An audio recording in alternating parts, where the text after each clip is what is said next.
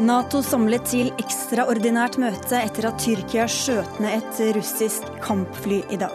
Situasjonen kan bli svært farlig, frykter forsker. Statlige selskaper tømmes for at statsbudsjettet skal gå i null.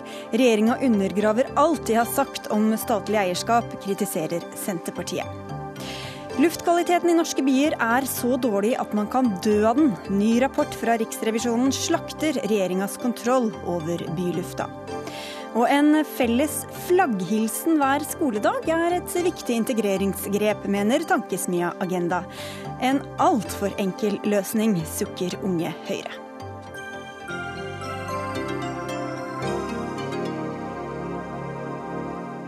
Dette er Dagsnytt 18 på NRK P2 og NRK2. Jeg er Sigrid Solund. Akkurat nå sitter Nato-landene i et ekstraordinært møte etter at et russisk kampfly ble skutt ned i tyrkisk luftrom. Russlands president Vladimir Putin sier at nedskytinga kommer til å få alvorlige konsekvenser for forholdet mellom Russland og Tyrkia. Ikke siden 1950-tallet er et russisk eller sovjetisk fly blitt skutt ned av et Nato-medlem. Europakorrespondent Åse Marit Befring, hva kan du si om det som skjer på dette Nato-møtet nå? Ja, dette er et møte som Tyrkia har bedt om for å forklare eh, de andre Nato-medlemmene om hva som skjedde i forkant av at de skjøt ned det russiske jagerflyet. Eh, hvor det befant seg, og andre detaljer om hvorfor og når denne nedskytingen fant sted. Eh, de påstår altså at russerne krenket deres territorium, noe russerne avviser. Så de vil legge frem detaljer, og så vil også landene i forsvarsalliansen ha mulighet til å stille spørsmål rundt dette. Og det er ikke nødvendigvis bevis de legger frem, men uansett så er det jo veldig mange som overvåker dette området eh, rundt eh, Syria. Eh, hangarskip og andre fartøyer har radarer rettet mot alle bevegelser, så sannheten vil nok komme frem. De ønsker altså å forklare seg, men ønsker Tyrkia også at Nato skal gjøre noe med dette? Jeg tror det viktigste for Tyrkia nå er at Nato Nato viser at de står solidarisk ved deres side. Jens Stoltenberg kommer hvert øyeblikk med en uttalelse nå, så vi bare venter på at dette møtet er over og han eh, forteller eh, hva han eh, mener er viktig nå. Forrige gang som Tyrkia kalte sammen til et sånt møte, det er jo bare sju uker siden, da hadde også russerne krenket deres territorium. Da brukte Tyrkia artikkel fire fordi de følte seg truet. Og da gikk Stoltenberg ut og fordømte Russlands handlinger. Mm. Men det er veldig usikkert hva han vil gjøre nå. Korrespondent Kristin Solberg, du er også med oss. Du er eh, i Istanbul. Hva var det egentlig som skjedde da tyrkerne skjøt ned dette kampflyet? Ja, Tyrkia sier jo at uh, dette flyet helt utvilsomt uh, krenket tyrkisk uh, luftrom. Militæret sier at de advarte flyet ti ganger på fem minutter, men at det ikke svarte. og De begynte da, ifølge militæret, advarslene allerede da de var rundt ti km fra den tyrkiske grensen. Og Da de kom inn i tyrkisk luftrom, så skjøt da to tyrkiske F-16-fly ned dette flyet. Det er jo en versjon Russland er helt uh, uenig i. De sier at flyet var 4-5 km fra den tyrkiske grensen og aldri forlot uh, syrisk luftrom. slik at Russland ser nok på dette som en aggressiv handling, mens, mens Tyrkia ser på det som en, som en, forsvarshandling. Så her er det to helt ulike versjoner. De kan ikke begge være sanne. begge sider sier at de kan bevise at deres versjon er sann, men akkurat hvilken side av grensen flyet var på, det vil nok være et av spørsmålene som, som man forsøker å forklare klarhet i på dette hastemøtet. Mm. Bli med oss videre begge to. Vi skal eh, gå til studio her. Katar Sinasisk, du er førsteamanuensis ved Institutt for forsvarsstudier. Og du sier at denne situasjonen potensielt kan bli veldig farlig. Hvorfor tror du det? Altså Potensielt eh, farlig fordi eh, det er Tyrkia som skjøt ned dette flyet, men, men det er jo også et Nato-land, så Eh, mye vil avhenge av hvordan Russland forholder seg til, eh, til, denne krisen. Hvordan de velger å tolke den og, og svære på. Potensielt så kan det være en krise mellom Nato og Russland. Men når det er sagt, så, så vil jeg ikke altså, være litt tilbakeholdende i å Eh, altså eh, overdrive hva slags konsekvenser kan det være. Fordi det er mange sider i eh, mange aktører i denne konflikten som jeg tror er interesserte i å ikke eskalere uh, denne krisen. Hva er egentlig forholdet mellom Tyrkia og, og Russland, Kristin Solberg? Ja, de har, hatt, eh, de har eh, hatt, en god tone de siste årene. Eh, og det er også mye økonomisk eh, samarbeid. Um, men eh, i det siste så har, har, forholdet blitt mye mer anstrengt. Og mye av det skyldes Syria. Der ser vi at Russland er inne på regjeringssiden. Eh, de, de, bomber jo på, på, siden til Bashar al-Assad. Mens for Tyrkia så er det fremste målet i Syria at nettopp eh, Bashar al-Assad må gå av. Så de har jo da støttet opprørerne i, eh, i, lengre tid. Slik at de har to helt forskjellige utenrikspolitiske mål i, eh, i, i Syria, og det har preget forholdet. Vi ser også at det har vært flere ganger de siste månedene at Tyrkia har klaget over at Russland har krenket deres luftrom. Det eh, har de kommet med flere advarsler til Russland. Det siste kom bare før helgen, hvor de sa at hvis dette skjer, hvis vi føler at grensene våre er truet av, av deres bombefly, så kommer vi til å handle. Mm. Sysk Putin har uttalt at uh, nedskytinga av dette flyet er en dolk i ryggen. Andre byråkrater eller rundt og under Putin har vært mer, mer eh, rundere i formuleringa. Hva kan det tyde på? Det er sprikende, som de sier, sprikende signaler som kommer fra Moskva. Dmitrij Peskov, som er Kremls talsmann, var mye mer tilbakeholden. Han sa vi må først få informasjon og fakta på bordet før vi tar, eh, altså gjør antakelser, mens Putin, som du sier, kommer kommer mye tøffere eh, tøffere svar. Jeg tror de rett og slett sitter og tenker hva, hvordan svaret kan være. Forsvarsdepartementet, Det russiske forsvarsdepartementet har også kommet med Eh, en uttalelse om at de sitter nå og vurderer hvordan de skal svare på, på den eh, type hendelser. Men jeg tror at eh, altså det er en kjempevanskelig situasjon for Russland, fordi uh, Russland har jo det går i strid i motsatt retning i altså den politikken som Russland har forsøkt å føre i Midtøsten. Og så samle de vestlige land, inkludert Nato-land, i en bred front mot IS. Frankrike, gjerne USA. Altså Hvis denne krisen eskalerer, så går det selvfølgelig eh, disse planene i, i stykker. Og jeg tror ikke at, at, russiske myndigheter er interessert i det. De vestlige land har også veldig mye å, å tape på å eskalere denne krisen. Frankrike f.eks., mm. som, har vært, eh, som var i Moskva to dager siden, har sagt russisk støtte i denne kampen. Eh, Russland har også forsøkt å komme ut av isolasjon etter annektering av Krim. Så det er også det, er også det som står på spill. Mm. Men når det er sagt, så tror jeg at det vil komme en tydelig eh, svar fra Russland. Det er vanskelig å si foreløpig hva det kan være, men i hvert fall politisk og økonomisk. Vi vet at Lavrov har, eh, har kansellert sitt besøk i Ankara, som skulle finne sted i morgen. Eh, det er noen uttalelser som kom fra det russiske parlamentet om at om økonomiske svar kan være en mulighet i dette tilfellet. F.eks. Det var et russisk statlig turistbyrå som nå anbefaler å, å stoppe salget av, russiske, av, av uh, turistpakker til Russland, og så ramme økonomien på den måten.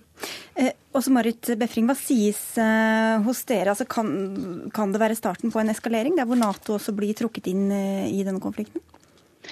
Det er eh, ingen grunn til å tro at det vil skje foreløpig. Nato har ingen selvstendig rolle i i dette, og er svært lite interessert i å bli trukket inn i en konflikt med Russland nå. Bl.a. Eh, grunnet det som blir sagt fra studio. Eh, så her må nok medlemslandet Tyrkia ta ansvaret for at forholdet til Russland ikke blir mer anspent, og at eh, situasjonen eskalerer. Men Nato følger selvfølgelig hele denne prosessen veldig tett. Og til slutt, Katarzyna Sysk, Hvordan kan denne siste utviklinga påvirke hele denne felles fronten mot IS, som du var litt inne på? Altså Potensielt så kan det ødelegge, rett og slett, hvis dette skulle, hvis dette skulle eskalere. ikke sant? Fordi igjen, altså Tyrkia er jo et Nato-land. Eh, eh, men igjen, altså det er veldig lite som tyder på at noen av de aktørene som er involvert, har lyst på dette. Takk skal du ha, Katarzyna Sysk fra Institutt for forsvarsstudier. Takk også til Kristin Solberg og også Marit Befring. Dagsnytt 18 alle hverdager kl 18.00 på NRK P2 og NRK2.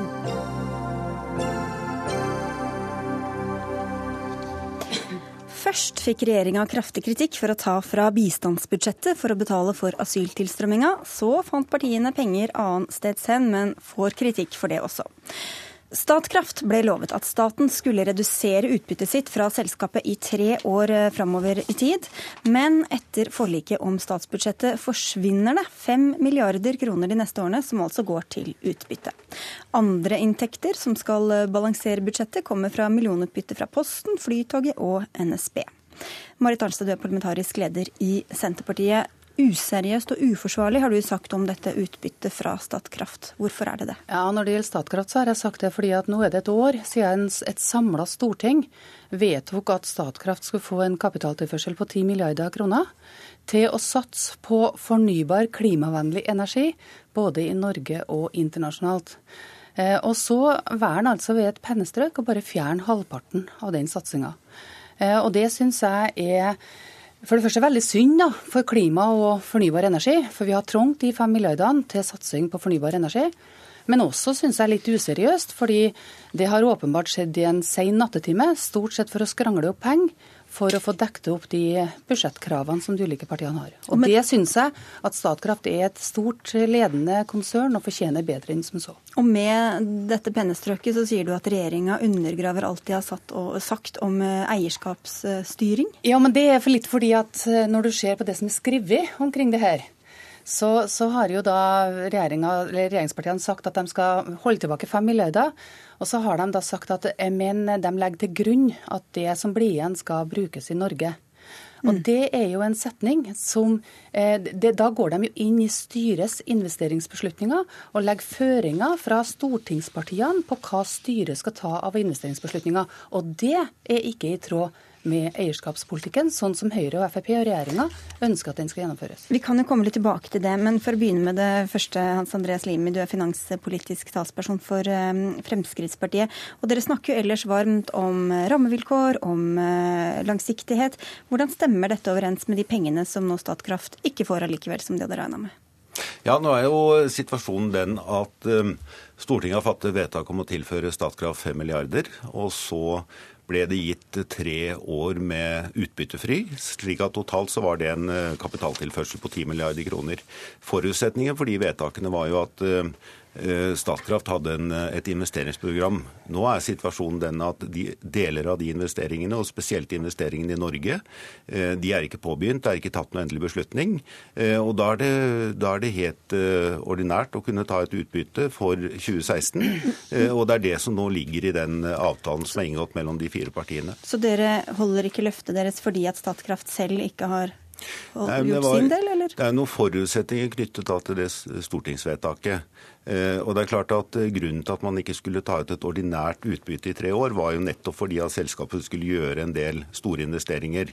Eh, så har selskapet gjort noen investeringer i utlandet og tatt penger, fordi at det er høy risiko på en del av disse investeringene. Vi mener at det bør være fokus på investeringer i Norge fortrinnsvis, men det er en styrebeslutning, og det skal ikke vi overstyre. Vi bare sier at så lenge da ikke disse investeringene har funnet sted, eller det har tatt en endelig beslutning, så er det naturlig at staten som eier tar et ordinært utbytte. Så Statkraft kan takke seg selv, Marit Arnstad? Nei, jeg må si, altså, For et år siden så presenterte regjeringa og næringsministeren og klima- og miljøministeren de presenterte de her 10 milliardene i kapitaltilførsel som et stort løft klimamessig og energimessig.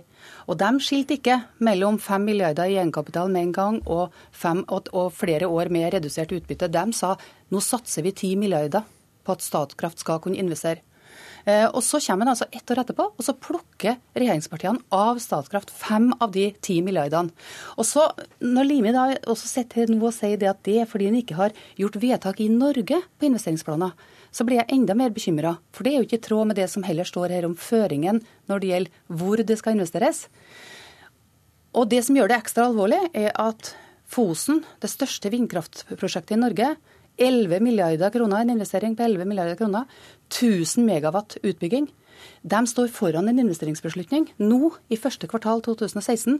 Og dette er jo et kritisk negativt signal overfor det som kunne ha vært den største og viktigste vindkraftutbygginga i Norge. Det, det, er ikke noe kritisk negativt eh, signal. Snarere tvert om så er jo de fire partiene enige om at det er fornuftig at man satser på fornybar eh, virksomhet i Norge. Hvordan skal de ha råd til det nå, da?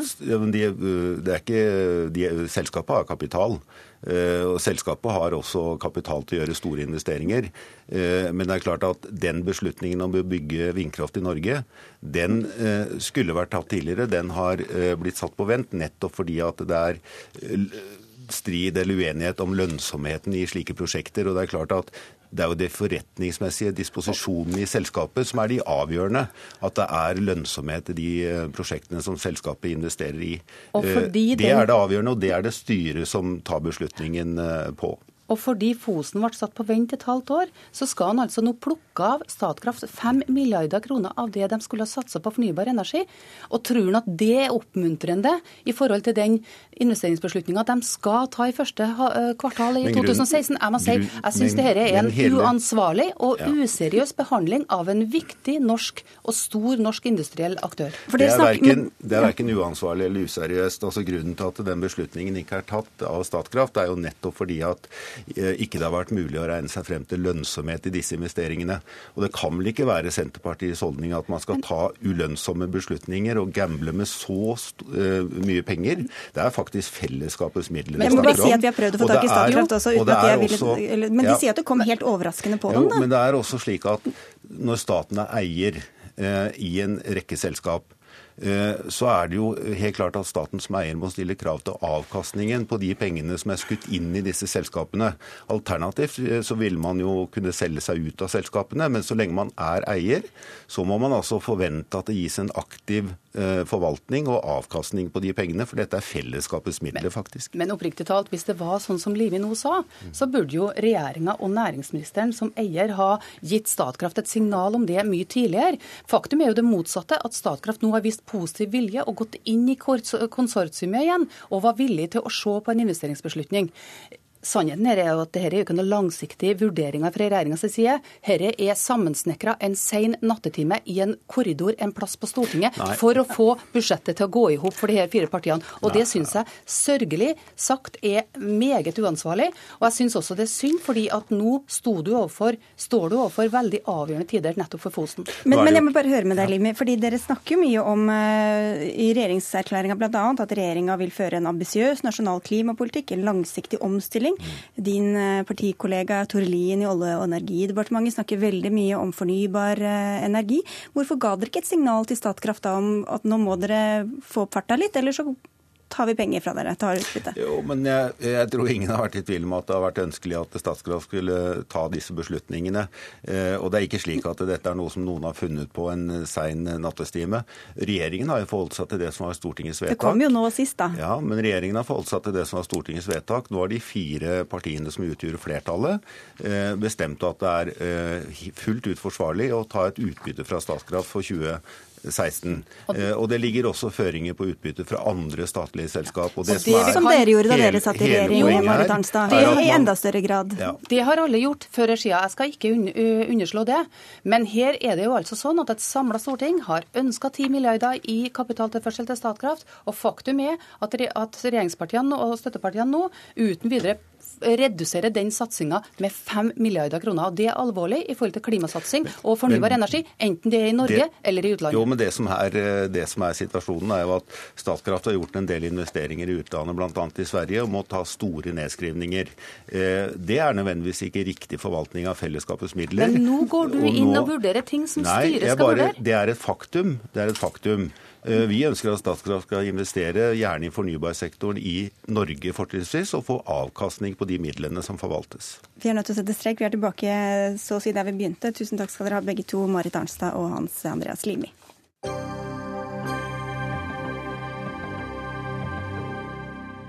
Bor du i byen og har merka mye eksos og dårlig luft når du har våget deg ut? Orker du nesten ikke gå ut på ekstra kalde dager, enten du bor i Drammen, i Oslo, Bergen eller Trondheim? Det er ikke så rart. Luftkvaliteten i de store byene i Norge er nemlig altfor dårlig. Det viser Riksrevisjonens undersøkelse av myndighetenes arbeid med dette. Det høres ille ut, riksrevisor Per Christian Foss? Ja, men det er jo ikke det noen nyhet, kanskje, at det er slik. Det er nyhet at dere har sett på det? Ja, det er riktig. Andre har sett på det både fra utlandet og fra Norge tidligere og påpekt det samme problemet. Vi har prøvd å gå inn på litt årsaker til hvorfor det er slik. For tilsynelatende så er det jo kommunene som har overlatt ansvaret, overlatt ansvaret for dette eh, fra Klima- og miljødepartementet. Men ser du det fra kommunenes side, så er det veldig vanskelig å gjøre dette. Og jeg må si at det er reaksjoner jeg har fått fra ulike av de større bykommunene, uansett politisk ståsted ellers. For de må forholde seg til svært ulike mål. Det er ikke samordning mellom de mål som er kalt nasjonale mål, og de som er fastsatt av Folkehelseinstituttet, og de som er fastsatt gjennom eh, miljøforskrifter. Eh, det er det ene. Så det er en, et komplisert mål, mål de skal prøve å nå. Det andre er at det er jo egentlig ikke kommunene som bestemmer til syvende og sist. For i det øyeblikket en statlig instans er uenig, uh, av hensyn til veitrafikken f.eks., så kan de overprøve kommunene fullstendig og sette tiltak til side. Så det er både forvirrende og manglende handlingsrom for kommunene som skal ordne med dette? Jeg tror det vi kaller Jeg vil ikke navngi noe departement, men uh, myndighetene uh, må samordne seg. Og de må gjøre det enklere for kommunene å få dette til vi har også gitt litt kritikk til Klima- og miljødirektoratet, som nok kunne vært en bedre veileder overfor kommunene når det gjaldt å særlig peke på hvilke tiltak som virker, og hvilke som ikke virker. Mm. De ligger vel innunder deg, eh, klima- og miljøminister Tine Sundtoft. Det er ikke så gode skussmål dere får her. Hvorfor har dere ikke sørga for å gjøre noe bedre, mer med dette tidligere? Som... Uh riksrevisor Per Kristian Foss sier, så er dette en gammel problemstilling som vi har eh, grepet fatt i og jobber med. Jeg er veldig glad for at Riksrevisjonen har sett på det og fått fram at det er en ganske kompleks problemstilling. Det er også interessemotsetninger mellom luftkvalitet og da manges eh, ønske om å kunne bruke bilen i byene. Visste dere ikke det fra før? Jo, det visste vi. Og så vet vi at det er kommunen som er forurensningsmyndighet. Kommunene har en del virkemidler som ikke de har tatt i bruk. De har bedt om flere virkemidler fra staten, som vi nå jobber med å gi kommunene. Og etter 2013 så har Miljødirektoratet hatt flere runder med kommunene, vært mer aktive i sin veiledning. Vi hadde nå senest, eller senest 3.11. hadde samferdselsminister Ketil Solvik-Olsen møte med kommunene vedrørende lavutslippssone. Så vi er godt i gang med å gjøre mer på et område som før har falt mellom to stoler. Ja, hva slags ting er det kommunene har ønska seg som eh, forskjellige departementer har satt foten ned for, Per Kristian Foss? Det er eksempler. altså Nå har vi undersøkt hva som skjedde i 2013 og 2014.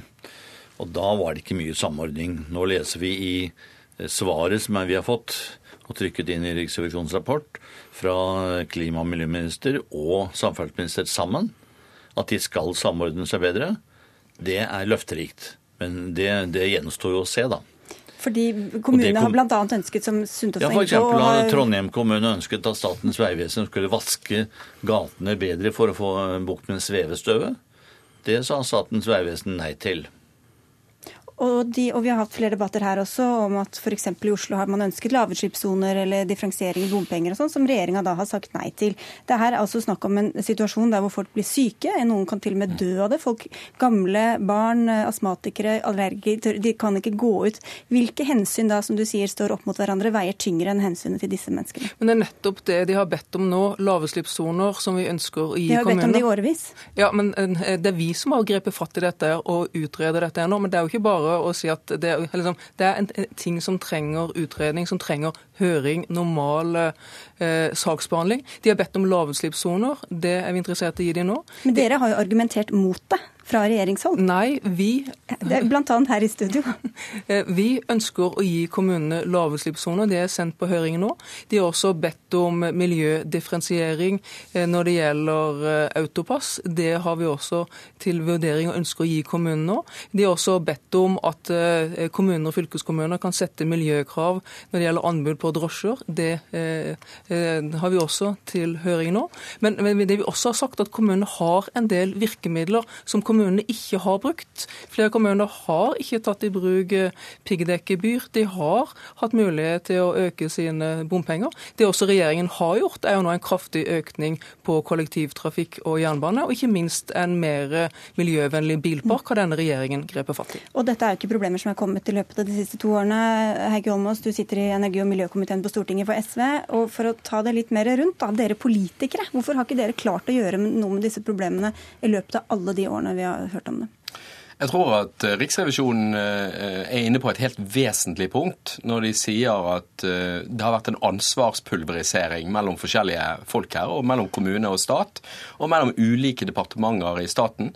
Ta for, eksempel, ta for eksempel, Det er jo helt åpenbart at både i Bergen og Oslo og Trondheim så kunne de gjort mer for å hindre biltrafikk, som er den største synderen når det gjelder å, å forurense, og sørge for at folk lever i helseskadelig altså, luft kommunene kunne gjort mer selv? Også, det er jo helt åpenbart. Ta i Trondheim, for eksempel. Ta i Trondheim, så har de muligheten til å innføre piggdekkgebyr. Det avskaffet altså Arbeiderpartiet sammen med høyresiden i Trondheim, fordi de mente det ikke var nødvendig. Det var kontroversielt lokalt. Det har ført til at uh, Trondheim nå er, har hatt uh, vintre med helt forferdelig luftkvalitet.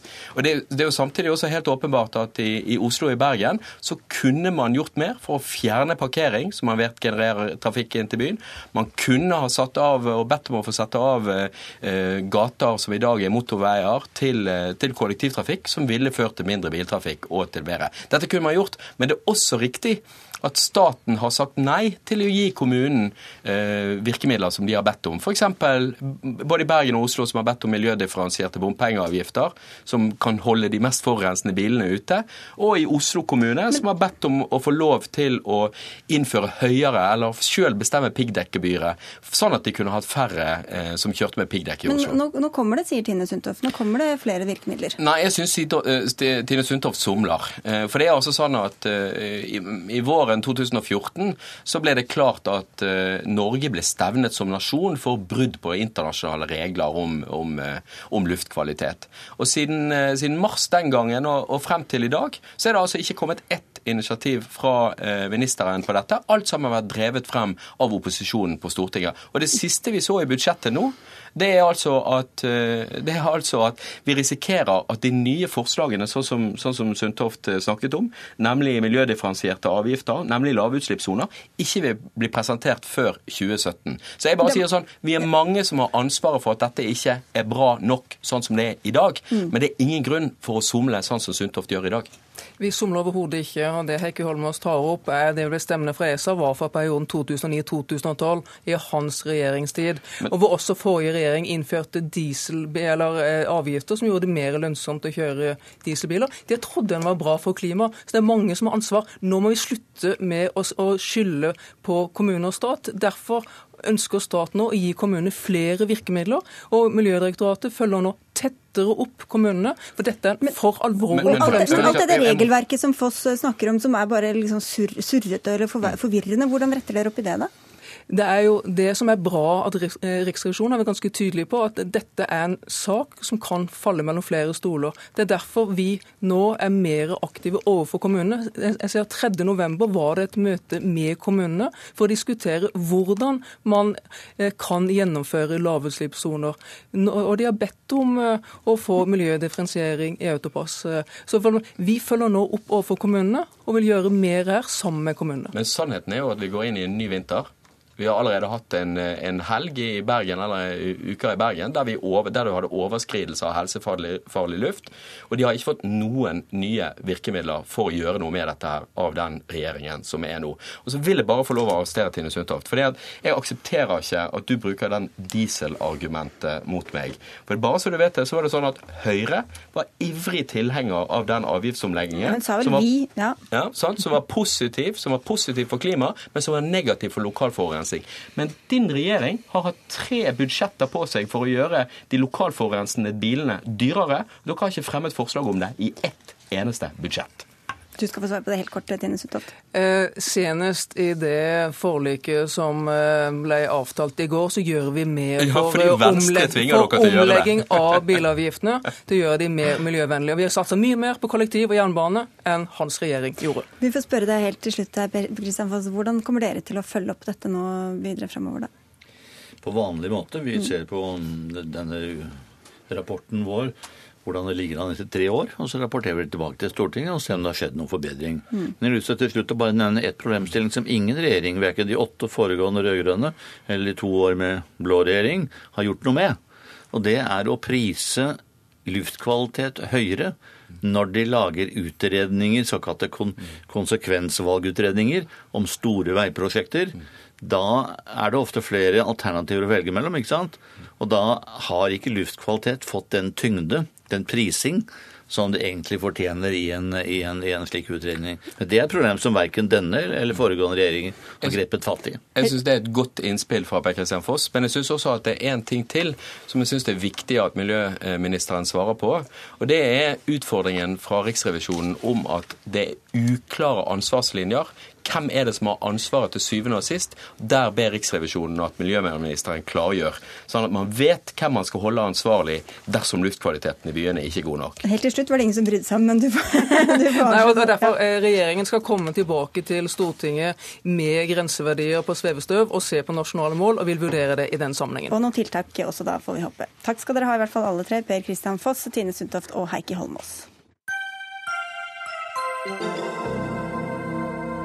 The International Emmy goes to Annika von der Lippe in Eyewitness. Som de fleste altså kanskje nå har fått med seg, i natt ble skuespiller Annike von der Lippe tildelt den prestisjetunge internasjonale Emmy-prisen. En Emmy er som en Oscar, for å forklare dette, bare innen TV og ikke film. Prisen fikk hun for rollen sin som lensmann Helen Sikkeland i NRK-serien Øyevitne. Vi skal se om vi får henne med etter hvert, men først til deg, teatersjef ved Nationaltheatret, Hanne Tømta. Du er jo sjefen hennes. Ikke sant? Hvor Den Hvor greie sjefen som gir henne permisjon for å spille i film og, og dra til Hollywood. Og... Nei, du, vi syns det er utrolig stas, alle gleder seg med Annike. Det er eh, alltid hyggelig å bli satt pris på og få en anerkjennelse for den jobben man gjør. Så akkurat i dag så er hun verdens beste skuespiller for oss. hun har jo eh, spilt, altså vært kjent for norske seere, både teaterseere og um, TV-seere og filmkinogjengere, i årevis. Hva er det ved henne som skuespiller som gjør henne så god?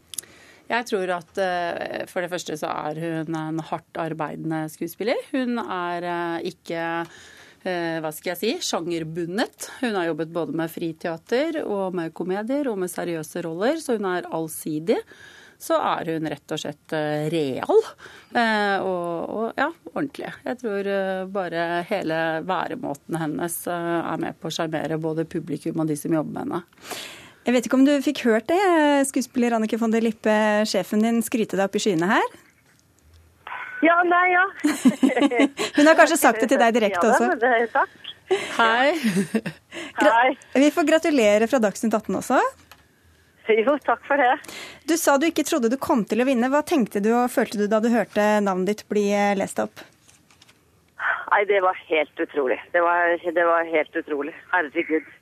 Uh, jeg tror det var altså sånn eh, kollektiv eh, Vi satt jo rundt bordet i et sånt rundt bord, alle vi norske. Og vi gikk liksom i taket. Så det var helt utrolig. Nå får du altså anerkjennelse fra utlandet. Hva, hva, betyr det for deg? Det betyr jo noe, det. Herregud. Uh, uh, det er jo fantastisk. Det er jo helt utrolig. Så uh, ja. Kanskje skjer det noe, kanskje får jeg en jobb et annet sted òg. Da er det en i studio som blir litt sur her, tror jeg. Nei, jeg blir ikke sur. Jeg unner deg det skikkelig, Annike. Jeg håper du nyter hvert sekund. Men er det, er det, det du har lyst Har du lyst på øh, roller i, i USA eller i andre land? Ja, det hadde vært gøy, det. Herregud. Uh, det har jo, jeg har jo bare vært i Norden, jeg, så det kunne vært moro å vært med på noe en gang. Uh, men uh, ja, vi får se. Vi jobber vel med saken her borte, håper jeg. Hanne Tømta sa du var så allsidig. Du er jo tilknytta Nationaltheatret, som vi skjønner, og har spilt i ja. Dyrene i Hakkebakkeskogen uh, nå i, i, høst. Du ja. går fra lensmann til ja. bakegutten. Ja, ja, jeg skal spille på lørdag også, jeg. Ja, det ja, det er, det er veldig mye forskjellig. Så jeg er veldig glad for at jeg får lov til å spille så mange forskjellige ting. Jeg har ikke akkurat satt i én bås det, det, gjør jo at yrket mitt blir veldig moro for meg, da. Du, du skal få løpe videre og motta heder og gratulasjoner der også. Tusen takk for at du var med i Dagsnytt 18. Takk for det. OK. Tenker det blir en liten fest på lørdag, jeg. Gry Cecilie ja, Ha det bra. Gry Cecilie Rustad, du er førsteamanuensis i medievitenskap ved Høgskolen i Hedmark, og du er ekspert på TV-serier. Hvorfor tror du akkurat at denne rollen og denne serien nådde opp?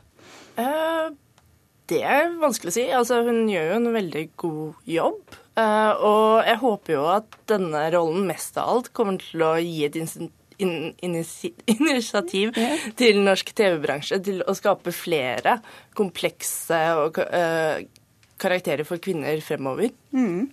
Eh, hva tror du denne prisen kan bety for norske TV-serier i utlandet, sånn generelt?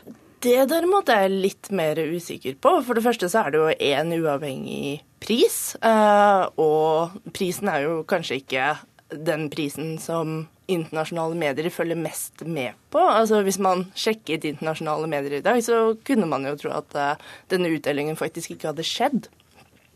Eh, Så sånn sett så er det jo sånn der at um, det store verdenspublikummet får nok ikke øynene opp for norsk TV-drama pga. denne prisen. Eh, Men jeg tror jo at man også kan se denne prisen i lys av suksessen til en del andre skandinaviske TV-serier de siste årene. Så sånn sett så kan vi håpe at det er begynnelsen på en ny tendens. Her gratulerer vi det ene øyeblikket, så drar vi dem ned i det andre øyeblikket. Ja, nei, altså, jeg har også bare lyst til å nevne én ting som jeg har tenkt på i hele dag. og Det er at eh, scenografen Jon Christian Alsaker, som også har laget veldig masse flotte kunstneriske arbeider for bl.a. Nationaltheatret, men i hele Norge, også vant Emmy i 1990 for scenografien til en minidramaserie på Phantom of the Opera. Så jeg tenker at jeg heier litt på han i dag også. Vi får sende en gratulasjon der òg. Men, det. men hva tror du dette kan få å si, både for henne som skuespiller og også eventuelt liksom, det som faller på resten av Nei, Nei, er det ikke litt sånn at Mats Mikkelsen og Viggo Mortensen begynner å bli gamle nå? Og at eh, nå er tiden inne for Trond Fausa og eh, Kristoffer Hivju, Torbjørn Harr, altså Halvard Holmen. Og hva er det en eh, ny generasjon unge skuespillere? Mange av dem får vist seg gjennom bl.a. Lillyhammer på Netflix. Og, og det du sier, da, at hvis dette kan stimulere til produksjonen av godt fjernsynsdrama i NRK og andre produksjonsselskaper, sånn som Unge lovende f.eks. er et eksempel på, så hadde det bare vært det beste. Mm, absolutt. Eh, og jeg håper jo abs eh, eksempel at vi ser mer av kampen for tilværelsen. Mm. Som jeg syns er veldig synd at man har dette rettighetstullet med. For jeg tror den virkelig kunne gjort det stort i utlandet. Fordi den er virkelig er på samme kvalitetsnivå som det beste fra utlandet. Og koselig med peis. Ja, og koselig peis. Det blir noen år siden, da. Men vi blir jo veldig begeistra når noen i utlandet liker oss her, da. Men du, du sammenligner det litt med når Petter Northug eh, vinner gull? ja. Det er kanskje litt uh, slemt å være så festbrems på en dag som dette, men jeg syns jo det er veldig, veldig hyggelig, og det er jo veldig stas. Eh, og jeg syns jo også at nordmenn og alle som jobber innenfor norsk TV, drama og film og teater, eh, skal ta med seg dette og mm, feire det. Eh, men det er litt som at Petter Northug vinner VM i ski. Er ikke det det største som kan skje noen her på denne kloden, da? Eh, for nordmenn. Eh, Men det ta for eksempel eh, da Joachim Trier var med og kjempet over Gullpalmen i Cannes, det er litt som at Norge hadde vært med i fotball-VM. Så det er en slags sånn, altså, en sånn forskjell her. Det er det. Men stas er det like fullt, Hanne Tente? Det er skikkelig stas, og vi på Nationaltheatret er veldig stolte over Annike von Lippe nå. Og skulle Hollywood ringe, så får hun permisjon Så på nytt. får hun fri. Ja. Vi får eh, sende gratulasjoner på nytt. Takk skal dere ha begge to for at dere Takk. var med. Hanne Tømta fra Nationaltheatret og Gry Cecilie Rustad fra Høgskolen i Hedmark. Hør Dagsnytt 18 når du vil. Radio NRK NO.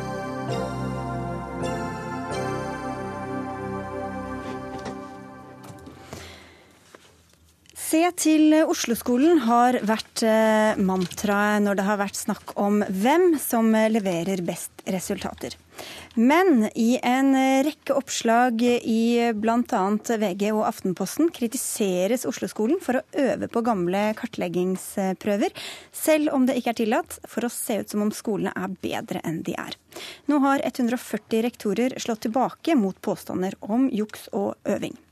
Sture Nome, du er universitetslektor ved Nasjonalt senter for leseopplæring og leseforskning. Og før vi tar tak i disse påstandene, for alle som ikke er helt inne i det, hva er forskjellen på nasjonale prøver og kartleggingsprøver, som vi skal snakke om nå? Nasjonale prøver er prøver som eh, blir brukt for å måle eh, leseferdighetene til alle elever. Og de spres utover en eh, skala fra 0 til 100. Og Prøven gir god informasjon om hele leseferdigheten eh, til alle elevene. Mens kartleggingsprøver de er bare i begynneropplæringen. Første til tredje klasse er det vi snakker om nå. De obligatoriske kartleggingsprøvene. Og det er prøver som eh, er ment å måle ferdighetene til de aller svakeste elevene, og gir bare informasjonen om de 20% svakeste elevene, fordi du stiller veldig mange eh, lett lette spørsmål. Så den har altså informasjonsverdi utelukkende om de svakeste elevene, og skal hjelpe oss til å finne de aller svakeste elevene, sånn at vi etter å ha gjennomført prøven kan gi dem den støtten de trenger for å bli bedre til å lese. Hva er da faren hvis jeg holder disse påstandene om at det øves på kartleggingsprøvene? Nasjonale prøver er laget nytt hvert år, mens kartleggingsprøvene de lager vi til eh, å vare fire-fem år om gangen. Og Det betyr at når du øver til de prøvene på de prøvene som du faktisk skal gjennomføre i selve prøvesituasjonen, så kan du øve og øve og øve på kartleggingsprøver, sånn at de ikke lenger gir den informasjonen de var ment å gi, nemlig å identifisere hvem de aller svakeste leserne er. Så folk, eller barn da, får, ikke får den oppfølginga de egentlig trenger? Og Det er det vi er redd for. Mm. Og Det betyr jo altså at Kartleggingsprøven er et verktøy som utelukkende gir informasjon om 20 av elevene. Eh, den gir ikke informasjon om de 80 andre elevene i gruppen. Og det betyr jo også at den har veldig mye svakere verdi i forhold til det å bruke det som et, eh, et kvalitetsparameter for hvordan en skole lykkes, fordi den sier noe bare om en femtedel av elevene, eller mindre. Gunhild Nore Valdén, du er lærer, men nå er du her som mor til to barn i eh, Oslo-skolen. Og du fikk en telefon eh, som gjorde at du begynte å stusse litt om hvordan disse kartleggingsprøvene ble brukt. Ja, det stemmer. Eh, da min sønn den gang var seks år, så eh, ringte læreren hjem til oss kvelden i forkant av kartleggingsprøven og ba oss om å øve på liten B og liten D. Ehm, og vi trodde jo at det var nettopp slike ting kartleggingsprøver skulle kartlegge, så vi syntes jo dette var en litt uh, pussig telefon å få. Ehm, men hun sa jo da at hun ikke ville at Forsøn skulle oppleve et nederlag på prøven dagen etter. Ehm, så vi fulgte jo anbefalinga og øvde på liten B og liten D. Så var det jo sånn at når disse rektorkontraktene eh, som ble avslørt i VG i 2013 kom fram, så ser vi jo da at rektorene faktisk da ble målt på våre barns resultater på kartleggingstester. Og dette skaper jo en veldig usikkerhet for oss foreldre. Eh, for da blir vi jo usikre på om er det barna våre som blir kartlagt, eller er det lærere og rektorer da, som blir kartlagt av Utdanningsetaten i Oslo? Og Du advarte noe med, om at Oslo-skolen øvde til disse prøvene for to år siden. Hva ga deg grunn til å tro at de gjorde det? Det var jo fordi jeg hadde kontakt med svært mange skoler i Oslo-området og så at veldig mange av skolene hadde et veldig sterkt fokus på å få tallene så lave som overhodet mulig. Eh, da ba jeg om å få se resultatene fra skoler som hadde eh, lave eller høye resultater. Så se på tallene, og jeg ser alltid på tallene over tid. Jeg ser på de tre til fem år for, for, å undersøke hvordan skolen presterer på dette. Og På mange skoler så var det stor variasjon i tallene. På noen skoler var det veldig veldig lave tall i forhold til sammenlignbare skoler. Og jeg måtte jo da spørre skolene Hvorfor har dere fått disse helt fremragende resultatene etter år, så et helt elendig resultat året etterpå? Dette er det jo mulig å eh, finne et skikkelig svar på ved å si at opplæringen har vært veldig god eller veldig dårlig, mens eh, det var andre typer svar jeg fikk, og det handlet om eh, sånn som jeg oppfattet det, at de øvet på prøvene. Men, men for meg er ikke det noe mål å gå ut mot disse skolene den gangen. Mm. Jeg ville bare peke på at Oslo-skolen har laget et styringssystem hvor de bruker disse kartleggingsprøvene til å identifisere om skoler er gode eller eller dårlige. Mens det disse prøvene skal gjøre, gjøre det er å identifisere de aller svakeste elevene. Så når det eh, ble klart for meg, så måtte jeg gå ut og si at her bruker dere disse kartleggingsprøvene feil. Og det går på bekostning av de aller svakeste elevene i skolesystemet vårt. I en kritisk fase til og med, fordi at dette begynner opplæringen vi snakker om. Hvis vi skal redde de, mm. så må vi redde de da. Hilde Gran, du er avdelingsdirektør eh, i Utdanningsetaten i Oslo. Hva gjør dere for å forsikre dere om at skolene ikke øver på disse prøvene, sånn som vi har hørt nå? Aller først må jeg få si at Sture Nome sier at kartleggingsprøvene brukes til å differensiere mellom gode og dårlige skoler. Der kjenner vi oss overhodet ikke igjen. Utdanningsstaten har vært klokkeklar på beskjeden om kartleggingsprøver, og vi vet veldig godt, og rektorene vet godt, og lærerne vet godt, at kartleggingsprøver er for å fange opp elever som er i risikosonen. Det er vårt anliggende når vi gjennomfører kartleggingsprøver. Nasjonale prøver er noe helt annet, som Sture Nome sier. Eh, han sier også at det er veldig sterkt fokus på å få tallene så lave som mulig. Ja, det er et fokus på at vi skal få flest mulig elever til å lykkes i leseopplæringen i løpet av de tre første årene.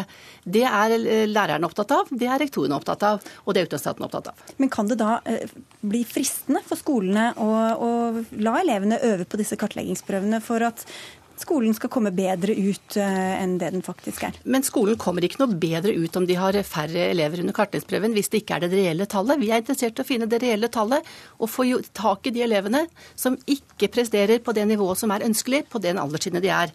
Eh, og det er ikke slik at eh, at, at, skolene har noen eh, interesse i å ikke finne disse elevene. De er vi helt avhengig av å finne tidlig, så tidlig som mulig. Og tidlig innsats er jo også et mantra i Oslo-skolen. Okay, så beskjed, du skal få vi skal bare høre fra en fjerde person her. altså Beskjeden altså fra myndighetene er klar. Rektor Elin Brandsæter, du er rektor ved Fagerborg skole i Oslo. Og en av disse 140 rektorene som svarer på den kritikken vi har hørt om øvingene i en kronikk i Aftenposten. Hvordan reagerer du på det som kommer fram om denne øvinga, da? Altså Det aller viktigste for oss rektorer det er at elevene våre lærer, og at de trives. Og Det er det det handler om. og Nå opplever vi at debatten har sporet av, og at dette ikke lenger er fokus. Og Vi opplever at det bildet som tegnes av Oslo-skolen, det er feilaktig. Og at vi kjenner oss overhodet ikke igjen. Og det er det vi 140 nå sier fra om. Men tror du ikke noe på de altså det er, eh, Utdanningsforbundet har spurt 45 tillitsvalgte lærere om de bruker øveprøver før kartleggingsprøvene. 32 svarer at de gjør det. Tror du ikke noe på det? Vi forholder oss til det som skal være formålet med kartleggingsprøven, og det er helt klart. Det skal avdekke hvilke elever som trenger ekstra hjelp, og det er sånn vi praktiserer. Noe med? Øver uh, disse på prøvene, spør jeg. Og, og svaret er gitt det. For vi har fått så mye god dokumentasjon gjennom det arbeidet som VG, Aftenposten og Klassekampen har gravd fram, uh, sammen med den undersøkelsen fra Utdanningsforbundet som viser at 32 av 45 skoler eh, de øver på prøvene. Og vi har også helt konkrete eksempler på hvordan prøveplaner ser ut i barnetrinnene. De øver på prøvene. Jeg mener at det er helt klokkeklart at de øver på prøvene. Klart de ønsker best mulig resultater. Ja, noe av formålet med, eh, med, med skolen er å få best mulig resultater fordi vi ønsker at vi skal få elever som presterer svakt i forhold til lesing. Men, men disse prøvene blir brukt som et kvalitetsparameter i en måling av hvilke kvaliteter det er i skolen i Oslo. Og dette er et system som har eksistert siden 2008 i Oslo-skolen, der disse prøvene har vært lagt inn som kvalitetsindikatorer helt fram til i dag. Men nå er situasjonen annerledes. Nå har de trukket det. Ok, Dere skal få svare begge to, brannsetter. Altså, jeg syns vi mister fokuset på enkelteleven. Altså, det er det det dreier seg om. Den fantastiske jobben lærerne gjør i klasserommet hver eneste dag med å følge opp den enkelte elev ut fra det ståstedet de er på. Men kan man ikke ha fokus på begge steder? Altså, kan man ikke både si at det kan være et problem med øving, men samtidig uh, snakke om om, altså også være opptatt av enkelteleven? Jeg syns det aller mest interessante er hva skjer med den enkelte eleven når den går tre år på min skole sånn som den gjør det. Hva er det lærerne gjør, hva er det skolen bidrar med for at eleven skal ha det bra og lære mer hver dag? Nore Valden, du er også med i et foreldreopprør i Oslo-skolen. Hva vet dere da om, om hvordan dette brukes rundt omkring på de forskjellige skolene? Ja, altså Vi får jo veldig mange historier inn fra lærere selv som forteller at de er pålagt øveprøver i forkant av kartledningstester. Og Dette ligger jo også inn i skolenes egne prøveplaner. Det er dokumentert. Vi får også høre historier fra lærere som forteller at barn blir fritatt i etterkant av gjennomført kartleggingsprøve. Dette syns vi er veldig merkelig. Hva, hva, hvorfor skal de gjøre det? Nei, Man kan jo lure på det. Eh, hvorfor? Men det kan jo kan det være fordi at skolen måles på dette resultatet, er jo da spørsmålet. Um, og Skolene har jo også i sine strategiske planer resultatmål på disse diagnostiske testene. Mm. Det er jo godt dokumentert, dette. Og vi syns det er veldig rart at det er vi som foreldre og at det må være journalister som varsler om eh, disse alvorlige tilfellene. Det burde jo vært rektorer selv som hadde varsla om dette. For det ligger jo som sagt da i skolers egne prøveplaner at de skal øve på disse testene. For Du sier Hildegran fra Utdanningsetaten at dette er noe dere gir krystallklare beskjeder. Men hvordan sjekker dere om det faktisk blir fulgt, og om det er noe hold i disse eksemplene og undersøkelsene om at det faktisk øves på disse prøvene? Vi, vi, vi, regner med at rektorer og lærere der ute eh, forholder seg til det som er hensikten med prøvene, og hvordan vi, skal, hvordan vi benytter UDIR, Utdanningsdirektoratets eh, måte å, å, gå gjennom prøvene på. UDA har aldri satt måltall på disse prøvene. Vi i Tøtaten har ingen tall på hva som er akseptabel grense for skal, hvor mange elever som skal over eller under. Skolene selv vurderer sine resultater når prøvene har vært. At de setter måltall på det, altså noen skoler har eh, mange elever under, under kritisk grense, mange skoler har nesten ingen elever under kritisk grense. Dette må skolene selv holde sterk kontroll på, men hensikten er helt klokkeklar fra etaten, både skriftlig og muntlig, at vi benytte prøvene på samme måte som direktoratet men, men, når dere ser at prøveresultatene blir mye bedre på en prøve som allerede er kjent, altså som sagt så brukes de samme prøvene i fem år, enn det første året når ingen vet den, da, da gjør mye dårligere. Hvordan sjekker dere da? Altså, stoler du bare på at skolene gjør det de skal, eller har dere ingen kontrollvirksomhet? Ja, vi forventer jo egentlig det, men så er det også noe med at Lesesenteret selv har jo også snakket noe i Rogalands Avis om hva som skjer med prøver etter fem år. Og at um, resten av, man, man må også vurdere tallene nasjonalt på hvordan det går med prøver som har vært etter fem år. Prøvene skal selvsagt ikke øves på, men å øve på ferdigheten å lese, det er naturlig når man går på skolen i første, annen, tredje klasse. Og hva som ligger i ordet øveprøver, det kjenner ikke vi oss helt igjen i, men å øve på prøven er helt feil. Men det svarer altså eh, deres eh, tillitsvalgte at det øves på prøvene. Og mm. vi har så mye god informasjon eh, gjennom undersøkt undersøkelser som VG, Aftenposten og Klassekampen har lagt på bordet sammen med uh, Utdanningsforbundet. Så her har utdanningsetatene et stort forklaringsproblem fordi det øves på disse prøvene. Og på tross av at Tiden går så fort her. Ja. Jeg må få svare på den. Ja, veldig, veldig kort. For Utdanningsforbundet har vi også hatt en dialog med, og de snakker ikke om en, en forskning eller en undersøkelse, de snakker om en stemningsrapport som var på et møte hvor, hvor 35 stykker svarer. Det kan ikke være forskning som Lesesenteret tenker at de må bygge argumentasjon på. Og Bradsæter, ti sekunder til slutt. Ja. Det er én ting som er viktig, og det er at vi klarer å få hver elev til å utvikle seg hver eneste dag. Ja. Og det er det vi bruker tida vår på. Men det, dette er jo to forskjellige virkeligheter her, og, og, jeg håper jo at noen undersøker disse påstandene som de sier. Dette er dokumentert, eh, og det er viktig at noen går inn og undersøker omfanget av det, for det fortjener barna i Oslo-skolen. Vi får stoppe der, det er mye å si, men eh, vi har ikke mer tid. Elin Brandsæter fra Fogborg skole, Hilde Grant fra Utdanningsetaten, eh, mamma Gunhild Nore Valdén, ikke min mamma, men noens mamma, og Sture Nome fra Nasjonalt senter for leseopplæring og leseforskning.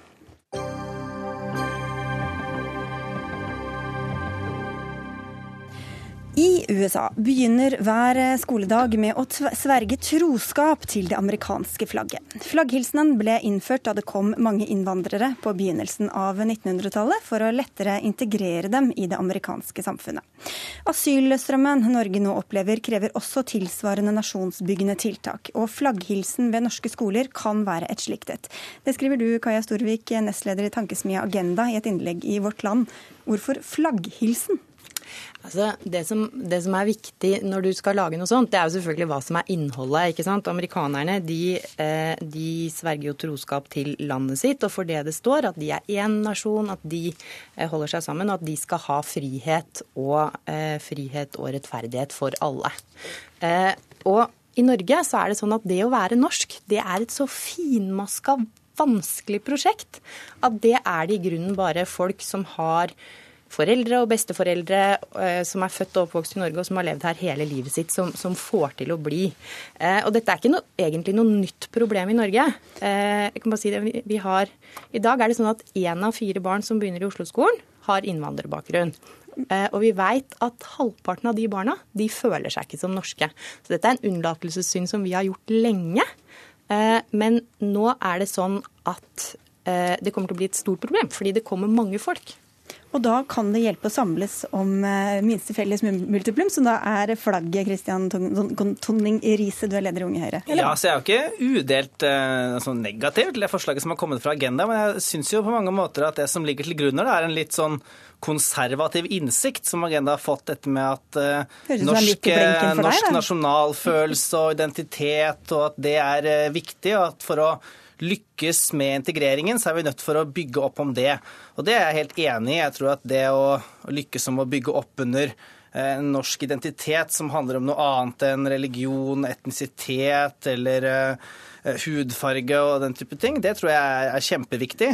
Så er jeg nok litt skeptisk til om, det, om, vi kanskje bare kan adoptere en sånn tradisjon fra USA og rett inn i Norge. Mm. Det er jo sånn at USA har jo fra dag én vært et veldig mye mer mangfoldig samfunn. Det er jo et land som egentlig er bygget opp av innvandring, og man har, vært, eh, har hatt et veldig behov for noen sånne nasjonale symboler liksom, å hegne om, som har vært det amerikanske. Mens uh, det norske samfunnet er jo en mye mer kompleks konstruksjon, kanskje, sånn sett, som uh, som Kaja Storvik også var eh, innom, eh, innom nå i stad, som er bygget over prøving og feiling over mange flere år. Så, men kanskje altså at i et, når det norske samfunnet blir mer pluralistisk, så kanskje vi trenger noen symboler å hegne om. Men, men, hvordan ser du for deg at dette skal skje, egentlig? Det, det er for barna, det er ikke for i arbeidslivet og sånn du ser for deg først og fremst? Nei, altså, jeg, jeg, ser for meg at vi gjør det i skolen. og det er jo, Men, men det som er avgjørende, ikke sant? for det vi har i dag f.eks., er at når du skal bli norsk statsborger, eh, så, så står jo alle og holder et, et, sånt, et, et, sånt, liten lovnad til Norge. Men problemet er at det er det jo bare utlendinger som gjør. Mm. Det er jo ikke et norsk menneske i sikte som har gjort det. sånn at det er viktig at det er noe felles. Men vi blir jo allerede beskyldt bl.a. fra svensker som har overvært 17. mai, at vi er i overkant nasjonalistiske allerede? Er det å bygge opp under den mer nasjonalisme her? Nei, men det er forskjell på å være nasjonalistisk og ha en nasjonal identitet. Og det er veldig, veldig viktig. fordi at nasjonalisme det handler jo om å synes at man er bedre enn alle andre. Mens dette her skal jo handle om hva man har felles. Og det er to, to veldig forskjellige ting. Og, og, jeg tenker sånn, altså Det er ikke sånn at jeg tror at eh, hvis barna begynner med flagghilsen, så svipp, svopp, så er vi ferdig med alle problemer med integrering. Det er klart at språkopplæring og, og, og deltakelse i arbeidslivet og sånn betyr kjempemye. Men vi trenger å definere noe som er felles, og dette vil også tvinge oss som er nordmenn, mm. til å definere hva det er å være norsk, og åpne det rommet. Altså det siste er jo enig, og sånn sett så er jo kanskje noe av det mest interessante med det forslaget at det kommer nettopp fra en, en sentrum-venstre-tankesmie. Jeg syns det hadde vært spennende å se hvilke tilbakemeldinger som hadde kommet hvis dette hadde vært et forslag f.eks. For fra et halvt år siden eh, fra Frp. Altså det er jo Ofte så har jo venstresiden vært mer i hvert fall lent mer mot en tankegang om at det norske er egentlig kun en smeltedigel av det som til enhver tid er her, mens eh, dette forslaget her, det, det sier jo noe om at det fins noe mer som er norsk, som handler om eh, identitet og kultur, og som det kanskje ikke alltid er like lett å definere. Det har vi jo sett noen eksempler på her i studio før, men eh, som det likevel er, er verdt å, å hegne om. Så, så det, det kommer bare fra feil hold, da, eller hvis det var Civita som foreslo det? Nei, så, så, så, så er kanskje nettopp det at det kommer fra agendaen, gjør kanskje at man kan klare å få en sånn tverrpolitisk enighet om dette, og heller bare eller heller ha en, en, konstruktiv diskusjon om hvordan man nettopp kan bygge opp under norsk nasjonalfølelse, hvilket jeg tror vi er helt enige om her at det er helt avgjørende for å lykkes med integreringen. Nå er ikke jeg nødvendigvis så opptatt av om forslag kommer fra høyre eller venstre. Nasjonsbygging er noe både ulike politiske avskygninger har vært med på i Norge. Men vi trenger å gjøre noe, og politikerne må slutte å snakke om det. Og så må de gjennomføre noen tiltak. Og det må skje nå. Vi er nødt til å avslutte. Kaja Storvik og Kristian Tonning Riise, takk for at dere kom. For det er kommet en nyhet her om at Norge innfører grensekontroll på ferjer og populære innfartsveier til landet. Det forteller statsminister Erna Solberg til NRK, og dette innføres fra torsdag morgen klokka åtte. Justisminister Anders Anundsen, hvorfor innfører dere grensekontroll her? Vi har jo allerede forsterka grensekontrollen eh, tidligere, det gjorde vi for mange uker siden. Eh, og så har vi hele tiden vurdert hvilke eh, utfordringer vi kan møte, og vært tydelige på at vi kan innføre skjerpa grensekontroll ganske fort. I dag så har jo svenskene kommet med en del tiltak som de ønsker å gjennomføre, og vi er nødt til å være forberedt på at det kan bidra til å endre noe av flyktningstrømmen, selv om det i utgangspunktet ikke er grunnlag for det. Mm. Så må vi være forberedt på å håndtere det. og Derfor innfører vi nå grense kontroll, særlig da ved fergeanløpshavnene våre. Men, men Hva kommer dette til å innebære i praksis? Skal alle bli sjekka, eller hvordan er det? Ja, Vi har en viss fleksibilitet i forhold til hvordan dette kan uh, gjennomføres. Utgangspunktet er at her kan man ha en full uh, kontroll på pass- og identitetspapirer ved disse fergekaiene. Uh, men det vil være litt varierende fra, fra punkt til punkt. Utgangspunktet er at vi nå gjen, gjeninnfører grensekontroll, og derved også passkontroll. Og det er veldig mange nordmenn også som kjører over grensa hele tida. Blir, blir de påvirka av det her? Vi skal gjøre dette så smertefritt som overhodet mulig, men det er jo eh, et tiltak som vi gjennomfører for å ha bedre kontroll eh, over våre egne grenser. Vi ser at Schengen eh, yttergrenser bryter sammen, og da er vi nødt til å gjennomføre tiltak som sikrer at vi har så god kontroll over våre grenser som mulig. Men Det skal gjøres så smidig som mulig, men det er en reell og faktisk kontroll. Takk skal du ha, Anders Anundsen, for at du var med på tampen her i Dagsnytt 18. Dette blir det helt sikkert mer om også utover eh, kvelden på nrk.no. Dagsnytt 18 er over for i dag. Ansvarlig for sendinga var Ida Tune Øritsland. Det var Frode Thorshaug som hadde det tekniske ansvaret. Og i studio denne dagen var jeg Sigrid Solund og ønsker god kveld videre.